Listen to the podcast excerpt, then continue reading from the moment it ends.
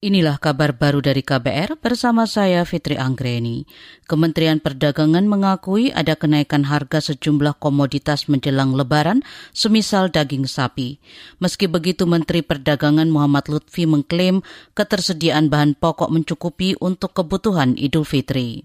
Jadi kalau kita lihat misalnya barang-barang seperti gula itu stabil Pak Menko harganya 14.700 dibandingkan dengan minggu lalu, harga sapi naik 700 rupiah, kira-kira 0,53 persen dibandingkan minggu lalu, tetapi barang-barang hortikultura seperti cabai merah, cabai merah keriting, cabai rawit merah itu sudah turun lebih dari 15 persen Pak Menko. Begitu juga dengan bawang terjadi penurunan dan uh, dari semua itu yang naik sedikit adalah kedelai 100 rupiah dibandingkan minggu lalu.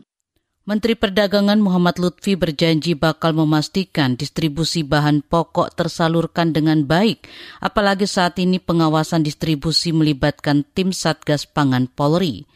Sementara itu, Wakapolri Gatot Edi Pramono memastikan pengawasan distribusi dan stok bahan pokok untuk lebaran dilakukan dari hulu ke hilir.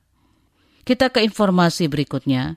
Wakil Ketua Komisi Pemberantasan Korupsi KPK, Alexander Marwata menyerahkan klarifikasi dugaan gratifikasi tiket MotoGP Mandalika kepada Lili Pintauli Siregar, sebab ia mengaku tidak tahu soal detail fasilitas MotoGP yang diduga diterima rekan sejawatnya itu.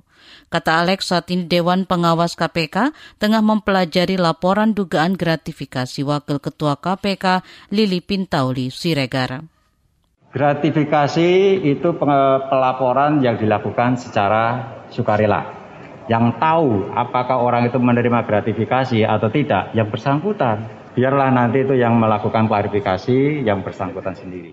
Itu tadi Wakil Ketua KPK Alexander Marwata. Sebelumnya Wakil Ketua KPK Lili Pintauli Siregar diduga menerima gratifikasi berupa akomodasi hotel di Lombok dan mendapatkan tiket MotoGP Mandalika. Sejumlah pihak seperti ICW mendesak Lili Pintauli mundur dari KPK karena kembali diduga melanggar etik, sebab ia juga masih disangsi Dewas KPK karena pelanggaran etik. Kita ke mancanegara. Rusia didesak untuk menghentikan aksi kekerasan terhadap Ukraina. Desakan itu disampaikan Direktur Jenderal Organisasi Kesehatan Dunia WHO Tedros Ghebreyesus. Alasannya kata dia sudah ada jutaan warga mengungsi dan ribuan orang tak berdosa tewas akibat agresi Rusia.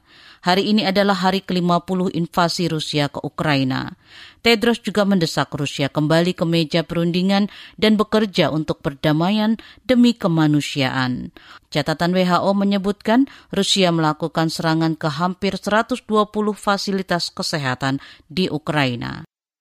Demikian kabar baru dari KBR. Saya Fitri Anggreni, salam.